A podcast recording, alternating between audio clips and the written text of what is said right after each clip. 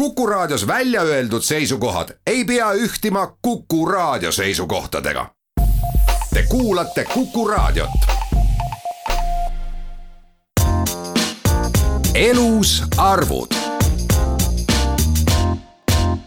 tere hommikust, hea Kuku raadio kuulaja, mina olen Indrek Kojamets ja algamas on uus rubriik nimega Elusarvud, kus on plaanis tuua statistikamaailmas toimuv koju kätte võimalikult lihtsasti ja arusaadavalt täna kõneleme sellest, mis imeloom on skp ehk sisemajanduse koguprodukt. Tegemist on ju lühendiga, mis ikka ja jälle uudisvoost läbi käib. aga et rohkem saada skp hingeelu kohta teada, olen palunud selleks siia Kuku raadio stuudiosse rääkima Statistikaameti juhtivanalüütiku Robert Müürsepa. ilmselt paljud raadiokuulajad on täheldanud kahte lühendit üks on skp ehk sisemajanduse koguprodukt ja teine on SKT ehk sisemajanduse kogutoodang. tunduvad justkui olevat sama asi, aga selgitage, kas üldiselt on väga suurt vahet, et kas me räägime siis SKP-st või SKT-st? tegelikult, kui me vaatame, kuidas seda nii-öelda laiemalt kasutatakse igapäevases kõnepruugis, siis tegelikult äh, see, mida meedias kajastatakse kui SKT, siis see tegelikult ongi meie statistikute jaoks skp. Äh, miks meie ise räägime SKP-st, on seetõttu, et tegelikult on olemas ka kogutoodang, mis erineb oluliselt sellest, mis asi on koguprodukt. ja lihtsalt selleks, et me ise oleksime statistiliselt korrektsed, kasutaksime korrektseid termineid, siis meie oleme jäänud skp juurde. kas jääme ka täna siis skp juurde? minugi poolest selgitage hakatuseks, milleks seda näitajat SKP-d õigupoolest vaja on? Kui me mõtleme, miks see näitaja üldse välja mõeldi, siis see nii-öelda selle näitaja juured jooksevad tagasi suure depressiooni aegadesse, pärast mida siis tegelikult hakati laiemalt mõtlema selle peale, et kuidas saada aru ja mõista seda, mis majanduses üldisemalt toimub. ja siis aastate jooksul jõutigi välja skp näitajani, mis ei ole kindlasti ainus, mis räägib sellest, mis meie ümberringi toimub, aga ta on üks selliseid, võime öelda vast üks peamisi näitajaid, mida vaadatakse selle pilguga, et näha, kuidas meil, kas meil läheb elu paremaks või on kehvemad ajad. mis tükkidest see skp siis kokku tuleb?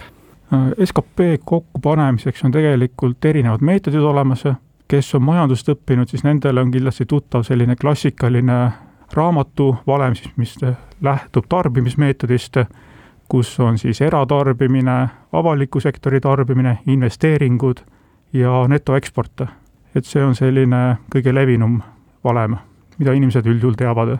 aga on veel olemas ka sissetulekumeetod ja tootmise meetod, mis tegelikult mõõdavad täpselt äh, samu asju oma olemusest ja jõuavad samade tulemusteni. ja Eestis meil ongi tegelikult peamiseks meetodiks just see tootmismeetod, kuna me ise leiame, et selle jaoks vajalikud andmed on meil kõige usaldusväärsemad ja võimaldab kokku panna kõige täpsemat pilti sellest, mis meil toimub. Kuidas iga inimene, tavaline Eesti kodanik siis SKP-sse panustab, et kui me kujutame ette näiteks sellist tublit Eesti kodanikku, teeb palgatööd, maksab ilusti makse, kasvatab lapsi ja nii edasi, et kuidas tema SKP-sse panustab? nagu ma siin mainisin, seda tarbimismeetodit, mis on ilmselt kõige lihtsamini mõistetav, siis tegelikult iga inimese panus ongi see, et kui, mida ta igapäevaselt nagu tarbib, kui palju ta käib trennis, kui palju ostab poest süüa, kõik see jõuab lõpuks meie skp numbrisse sisse. aga samamoodi tootmise poolelt samamoodi, et kui palju keegi tööl käib, et mida usinamalt tööd tehakse, seda suurem on Eesti skp. aga kui võtta laiemalt, et kes on Eesti SKP-sse parasjagu kõige suuremad panustajad? no kõige suuremad tegevusalad ikka vist klassikaliselt ongi töötlev tööstus ja kaubandus, aga nagu me teame, siis viimastel aastatel eriti on ikkagist Eestis väga jõuliselt majanduskasvu vedanud just see meie IT-sektor. maailmas on aga väga palju erineva SKP-ga riike, et mõnes Aafrika riigis on see üsna madal, aga mõnes Põhja-Euroopa riigis on see üsna kõrge, et mida see näitaja meie Eesti riigi kohta siis õigupoolest ütleb? eks ta näitab, et äh, tegelikult eks seda SKP-d vaadataksegi üldiselt just seda, et kuidas ta ajas areneb mingil territooriumil ja see, kuidas Eesti skp on aastate jooksul kasvanud, see räägib seda lugu, et me oleme alates Nõukogude ajast väga jõudsalt edasi tulnud, kindlasti üks Ida-Euroopa võib-olla isegi kõige suurem edulugu. Ja eks me liigume üha jõudsamalt lähemale sinna Euroopa keskmistele tasemetele ja teistele rikkamatele riikidele viimasel ajal on räägitud ka sellisest näitajast nagu roheline skp, kus siis võetakse arvesse keskkonnaprobleemidest ühiskonnale tekitatud kahju ja loodusvarade kasutamisest tingitud jõukuse vähenemist. kui oluline näitaja see roheline skp on?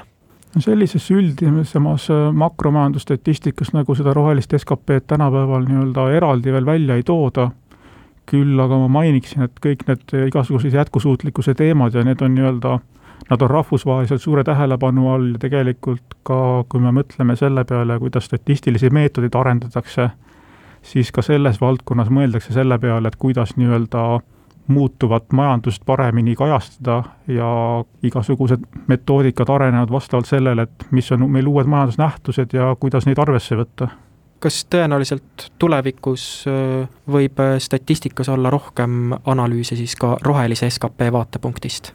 Tundub, et need on jah, lähituleviku trendid, et pööratakse rohkem tähelepanu igasugule jätkusuutlikkuse ja rohelise majanduse teemadele.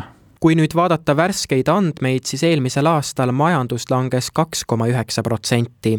Ja siinkohal ei tasu põhjuseid kaugelt otsida, sest koroonaviiruse pandeemia jätab paratamatult majandusele oma jälje majanduslangust mõjutasid eelkõige siis sellised valdkonnad nagu töötlev tööstus, kaubandus ning majutus ja toitlustus.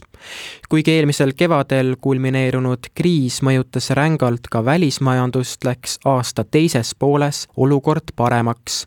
aga aasta teises pooles oli näha ka kaubavahetuse tugevnemist, mis annab märku Eesti majanduse kiirest kohanemisvõimest. elus arvud